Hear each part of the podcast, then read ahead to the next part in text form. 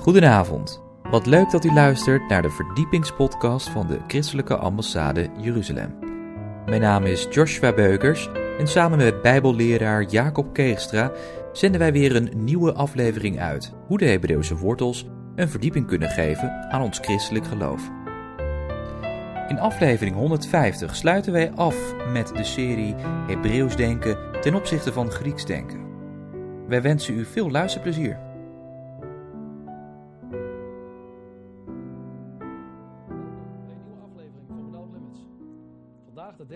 Laatste aflevering met Jacob Keegstra over het verschil tussen het Grieks en het Hebreeuws denken.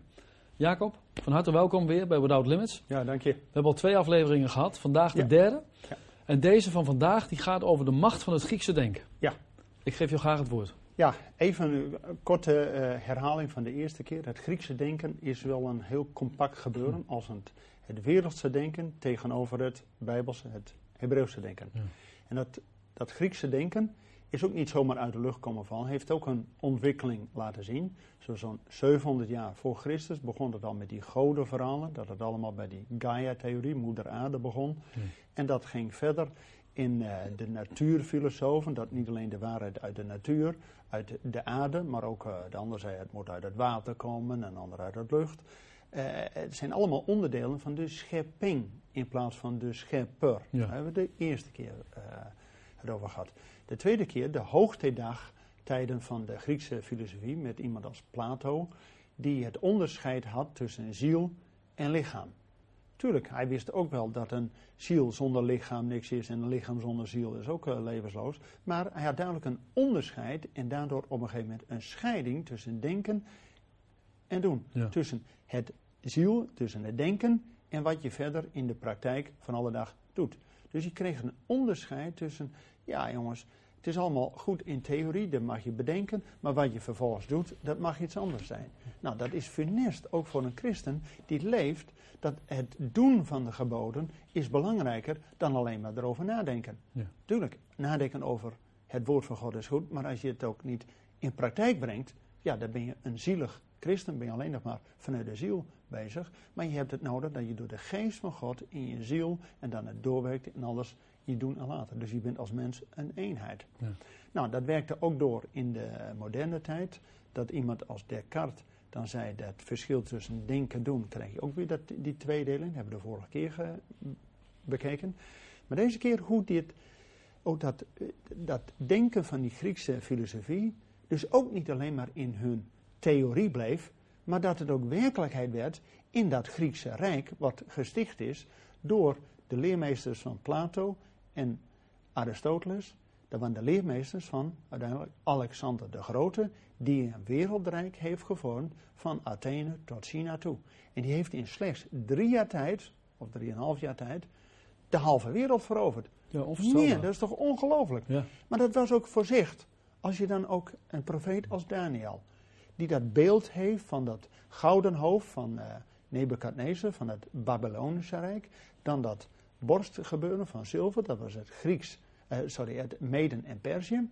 En dan komt het Griekse periode. Dus God heeft al in de profetie aan Daniel laten zien dat de wereld zal geregeerd worden door eerst het Babylonische Rijk, dan het Grieks, eh, het Meden-Persische Rijk, vervolgens het Griekse tijd. Ja. En je kunt zelfs tegenwoordig vandaag de dag op Wikipedia gewoon kijken wanneer heeft ehm, Alexander de Grote dat Midden-Oosten veroverd en daarmee zijn Griekse wereldrijk eh, eh, gegrondvest. Dat was in het jaar 334 voor Christus.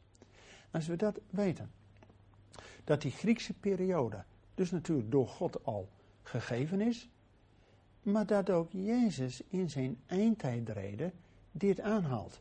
Want ook aan de macht van dat Griekse denken, aan dat Griekse wereldrijk, waarin dat denken van Plato en Aristoteles helemaal ehm, ja, eh, concreet wordt in dat wereldrijk die die Alexander de Grote heeft gesticht, daar komt een eind aan. Dat zullen we straks zien. Hm. Maar eerst even iets, iets als ter uitleg van dat Griekse eh, wereldrijk. Dat kwam natuurlijk ook niet zomaar eh, uit de lucht vallen. Die ehm, alle, ehm, Aristoteles, dat was dus een leerling van Plato, en die was zelf weer leermeester van die Alexander de Grote. Dat kun je gewoon in de geschiedenis eh, traceren. Die ehm, Aristoteles, ook zo'n beroemde filosoof, die door dat Griekse denken beïnvloed is, die had, in tegenstelling tot zijn leermeester Plato, niet een onderscheid tussen ziel en lichaam, maar die had zijn eigen indeling. Ja. Die had een indeling van vorm en materie. En dan denk je, nou wat is dat nou, vorm en inhoud, vorm en materie? Nou, dat dreunt vandaag de dag nog steeds door. Want dat Griekse denken, die, de, de vorm was belangrijk. En die hadden dus ook allemaal beelden. Ja. Die hadden een heel Athene was vol met beelden. Dus zij vonden het belangrijk hoe iets eruit zag. Ja, die, what, how it looks. Ja. Nou, en dat Ja. is eh, voor ons als christen ook zo funest. Als het er maar goed uitziet, dan, dan zal het maar wel goed zijn. Maar als het hart niet erbij is, nou dan zegt de Jezus, nou, dat is gewoon waardeloos. Ja. Dus je moet zo voorzichtig zijn met dat dat Griekse denken ook niet ons als christen beïnvloedt. Want ik bedoel dat je die, dat onderscheid hebt tussen vorm en materie. Zelfs bij ons in de rechtsspraak heb je ook een formeel recht en materieel recht. Dus die indeling van Aristoteles is vandaag de dag nog steeds springlevend. Nou, en die indeling van vorm en materie, dat de vorm, de structuur, hè, dat is van belang. En wat dan de inhoud is, oh, dat zal wel. Dan denk ik, dat doet dus geen recht dat we ook als mens in alles wat we maken, vorm en inhoud bij elkaar hoort. Net zoals bij Plato, denken en doen werd bij hem onderscheiden. Bijbelse denken is dat Ja. samen. Ja. Dus dat die eensgezindheid is. Ja. En dat ook het doen van de geboden belangrijker is dan alleen maar theorie over de geboden. En als je dan ziet dat die, Alexander, eh, eh, die Aristoteles, die is dan weer leermeester van die Alexander de Grote, die dat grote rijk gesticht heeft van Athene tot China toe. In slechts drie jaar tijd heeft hij de halve wereld ge- eh, veroverd, maar er kwam ook plotseling een einde aan. En zijn vier, hij had nog niet een zoon die eh, zo oud was om op de troon te zitten. En zijn rijk werd ook verdeeld onder zijn vier generaals. En dat vertelt de Bijbel. Dan denk je zo. God profeteert het al, geeft dat beeld al aan Daniel. Daar zie je hoe rijk Gods woord is, hè? Onvoorstelbaar. En dan denk je, het komt allemaal precies uit. Zullen we dat gedeelte eens lezen? Ja. Uit eh, Daniel hoofdstuk 8. Dan wordt dus dat beeld van Daniel, Daniel 8. natuurlijk van dat gouden hoofd en dat eh, zilveren borst, dat zijn die eerste twee. Maar dan gaat het verder over ehm, het Griekse Rijk. En dat is hoofdstuk 8, Daniel 8, vanaf vers 5. Ja, daar staat. Maar terwijl ik nauwkeurig acht gaf, zie, daar kwam een geitenbok vanuit het westen over de gehele aarde, zonder de aarde aan te raken. En de bok had een opvallende hoorn tussen zijn ogen. En hij kwam tot de ram met de twee horens, die ik voor de stroom had zien staan, en rende op hem toe in zijn grimmige kracht. Ik zag dat hij tot vlak bij de ram kwam. Verbitterd stiet hij de ram, brak zijn beide horens en er was geen kracht in de ram om hem tegen, om hem, om tegen hem stand te houden. Hij wierp hem te aarde en vertrad hem en er was niemand die de ram uit zijn macht redde. De, En, en, en dan als je verder leest. ja? Ja? De geitenbok nu maakte zich bovenmate groot, maar toen hij machtig werd, brak de grote horen af. En vier opvallende horens rezen in dienstplaats op, naar de vier windstreken des hemels. En uit één daarvan kwam weer een horen voort, die klein begon, maar die zeer groot werd tegen het zuiden, tegen het oosten en tegen het sieraad. Ja, zijn grootheid reikte tot aan het Heer des hemels, en hij deed ervan het Heer, namelijk van de sterren, ter aarde vallen en vertrapte ze. Zelfs tegen de vorst van de Heer maakte hij zich groot. En hem werd dagelijks offer ontnomen en zijn heilige woning werd neergeworpen. En een eredienst werd in overtreding ingesteld tegenover het dagelijkse offer en hij wierp de waarheid ter aarde en wat hij ook deed, gelukte hem. Toen hoorde ik een heilige spreken. En een andere heilige zeide tot datgene die gesproken had: Hoe lang zal dit gezicht gelden? Het dagelijkse offer en de ontzettende overtreding, het prijsgeven van het heiligdom en het vertrappen van het Heer. En hij zeide tot mij: 2300 avonden en morgens. Dan zal het heiligdom in rechten hersteld worden. Amen. Ja, Ja, dat, als je- is, dat is bijzonder. Het is ongelooflijk. Dat er staat dus dat dat, eh, de vier, dat, dat beeld van Daniel, dat wordt dan ook door de vier dieren vertegenwoordigd. Ja. En dan komt op een gegeven moment die Griekse eh, rijk komt als een geitenbok, als een bok, die stoot tegen alles wat daarvoor was, dat uh, Meden en Perzië. En dat, dat zijn ook al die oorlogen die geweest zijn. En dat kun je in de historie ook terug uh, zien. En dan staat er, en op een gegeven moment valt zijn grote ene hoorn af en vier kleinere komen terug. Ja.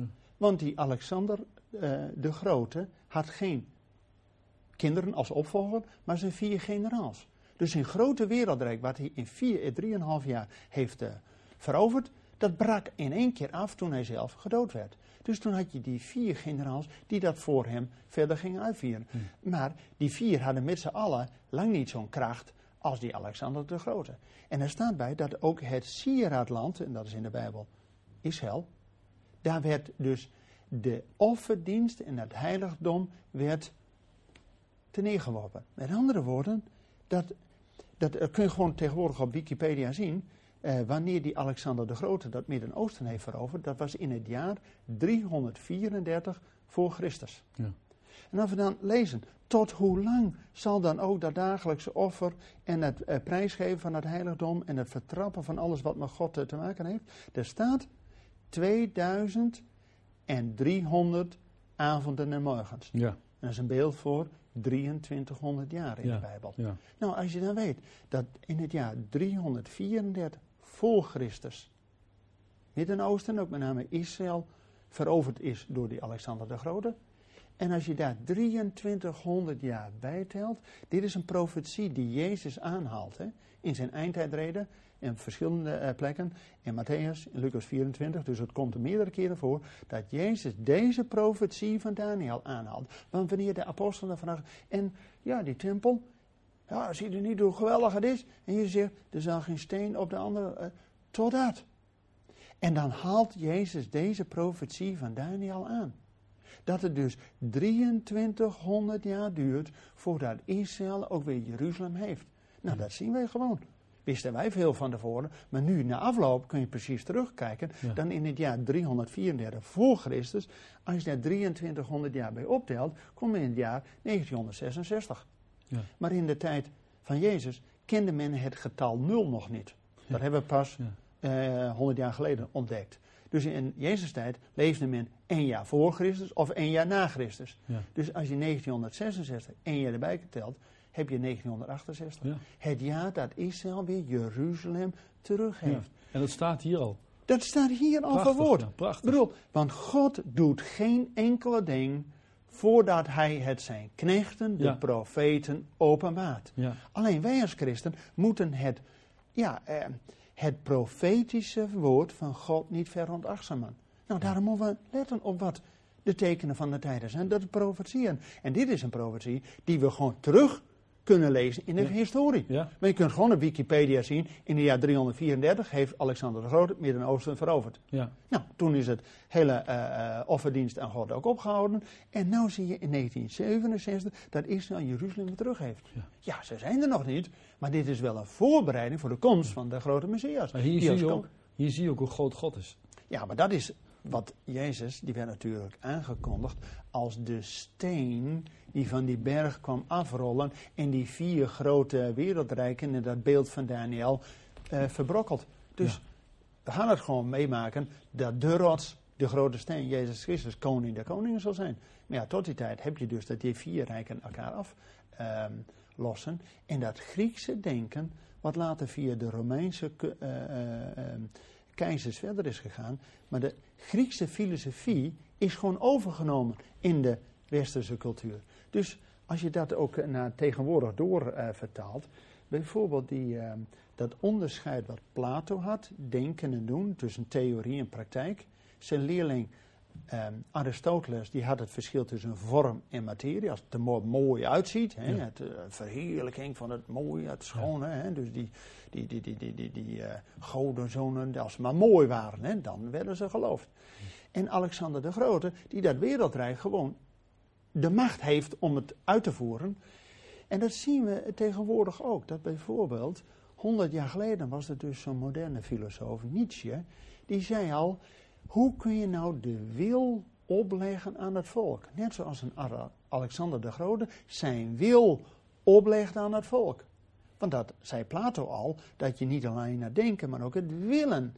En het wil tot macht om de, je macht op te leggen aan het volk. Nou, die Nietzsche die heeft een heel boek geschreven over de ubermensch. Hè, Ja. de, wat dan vertaald wordt, de, de, de, de, de superman. Maar natuurlijk het bijbelse antichristelijke denken. Hè. De antichrist, dat wordt ook als een grote geweldenaar. Die zijn wil oplegt, zijn macht oplegt aan het volk. En dan ieder die dat niet wil, Ja. ja, dan wordt het lastig. Die het merkteken van dat beest niet heeft. Ja. Dus het wordt gewoon spannend. En die wordt gedood, staat er ook, hè? Ja, daarom, wordt het, daarom is het ook spannend om hier Bijbelstudie over te hebben. Want uiteindelijk moeten we ons niet te neer laten drukken door al dat wereldse denken. Maar de Bijbel zegt dat wie het laatst laagt, laagt het beste. Ja. Ook al gaat het even moeilijk worden, maar hij die overwint, komt eraan. Heft uw hoofd omhoog. Want uw verlossing is nabij. Ja. En wat we toen de, de, de eerste keer ook al gezien hebben. Dat als Jezus tegen de Grieks sprekende Joden antwoordt, dan heeft het over ik ben. Alles wat Jezus is. Dan zegt hij de waarheid. Maar tegen die Hebreeuws sprekende Joden, de mensen in Israël, dan laat hij zien wie hij is. De genezer, de bevrijder, degene die die wonderen doet. Dat hij die ehm ehm, wonderbaarlijke spijziging. Nou, dat is eh, de tekenen. Ja. Dus, en God die dat verbindt, ik ben de God die u bevrijd heeft. Hij zegt niet alleen wie hij is, maar hij doet het ook. En wat we vorige keer hebben aangehaald, Johannes 9, waar Jezus zegt, ik ben het licht der wereld. En direct het aansluitende hoofdstuk laat je het ook zien, dat hij een blind geborene beter maakt. Nou, dus wat hij zegt, is wat hij doet. Ja. Nou, maar een, in, in dit- dat, dat wereldrijk van die Alexander de Grote, dan denk je, ah, dat was 2000 jaar geleden. Nou, maar dat denken en de hele machtsdenken komt tegenwoordig weer terug. Bijvoorbeeld Hitler, daar hebben we natuurlijk allemaal van gehoord, en allemaal eh, dat hij ook bezig was om een groot rijk te herstellen, het Ja. grote eh, rijk, eigenlijk van de eindtijd. En ehm, die was nogal gecharmeerd door de filosoof Nietzsche. Al die soldaten die voor Hitler naar het oostfront gingen, die hadden de spreuken van Nietzsche in hun eh, boekje. En die Nietzsche was degene van de Ubermensch. Dat was natuurlijk ook de hè, dat, dat, was Hitler door eh, geporteerd. Maar die Nietzsche had het ook over de wil tot macht. Dat je als machthebber je wil kunt opleggen aan het volk. En degene die dat niet wil, nou dat wordt lastig. Dus dat Griekse denken van die Plato, Aristoteles en dat het concreet werd in het rijk van Alexander de Grote, is vandaag de dag nog springlevend. Want hoe komt die, die, zeg maar die, die, die scheiding tussen de wil van God en die macht naar voren? Ehm, nou, ik denk dat het goed is dat we daar Romeinen 12 voor lezen. Ja. Want dat is toch een bijbels fundament om te weten wat de wil van God is. Romeinen 12, vers 2. Ja, best wel een bekende tekst, denk ik, voor veel mensen. Er zijn twee elementen in. Daar staat, en wordt niet gelijkvormig aan deze wereld, maar wordt hervormd door de vernieuwing van uw denken. Opdat gij moogt erkennen wat de wil van God is. Het goede, welgevallige en volkomene. Ja, Ja, dat is de wil van God. ja, Het mooiste, het beste, het perfectste. Maar we hebben net gelezen uit Daniel 8 dat die Griekse macht met Alexander de Grote kreeg de macht van God om inderdaad tijdelijk overheersing te hebben. Ja. En dat werd gewoon geprofiteerd al in dat beeld van Daniel. Dus dat is ook in de werkelijkheid, in de historie, kun je dat terugtraceren.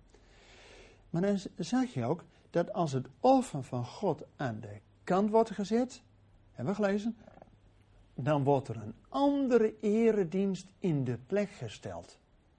Dat heeft alles te maken als ons denken niet door God gevoed wordt, maar in ons wereldse denken wordt het verduisterd, wordt de openbaring van God verduisterd.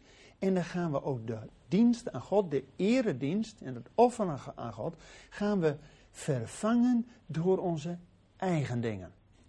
Nou, dat zag je al in Daniel 8.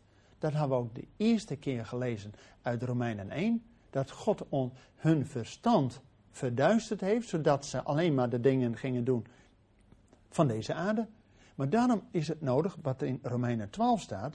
Het eerste is, word niet gelijkvormig aan deze wereld, dat wereldgelijkvormigheid, maar wordt die metanoia, dat je dus een volledige transformatie in je denken meemaakt. Ja. Zodat je het, het Bijbelse denken, de geest van God hebt en niet die geest van de wereld. En zodat je weet wat de wil van God is. Nou, dus pas door de geest van God dat je vernieuwd wordt in je denken. En dan pas mag je weten wat de wil van God is. Het goede, het welgevallige voorkomen. Want je, je hoort wel als christen van, ja, ik weet niet wat God nou met mijn leven van plan is. Ik eh, zie geen eh, eh, briefjes uit de hemel komen. Ja, maar de Bijbel zegt, je moet eerst door de geest van God geleid worden. Dan doe je ook de dienst aan God, dat je God gaat verheerlijken. En pas wanneer God op de eerste plaats staat, op de troon zit, en niet die Alexander de Grote of welke andere Ja. maar als God op de troon van je hart zit, dan wil God relatie met je hebben. Ja. Dus niet een scheiding tussen jij daar, ik hier, God in de hemel bij je. Nee, God wil een relatie. Jezus kwam om de relatie met God te herstellen. Zodat je dan ook weer intimiteit, dus in je hele zijn eenheid met God ervaart. En dan pas weet je wat de wil van God is. dus de wil van God komt niet zomaar uit de lucht vallen. Van, oh, een briefje, oh, dit is God. Die, die zegt, nou, dan moet je dat doen. Nee, pas door de geest van God word je vernieuwd in je denken. En dat is, natuurlijk, God kan dat allemaal check-check doen. Maar de geest van God blijft een gentleman.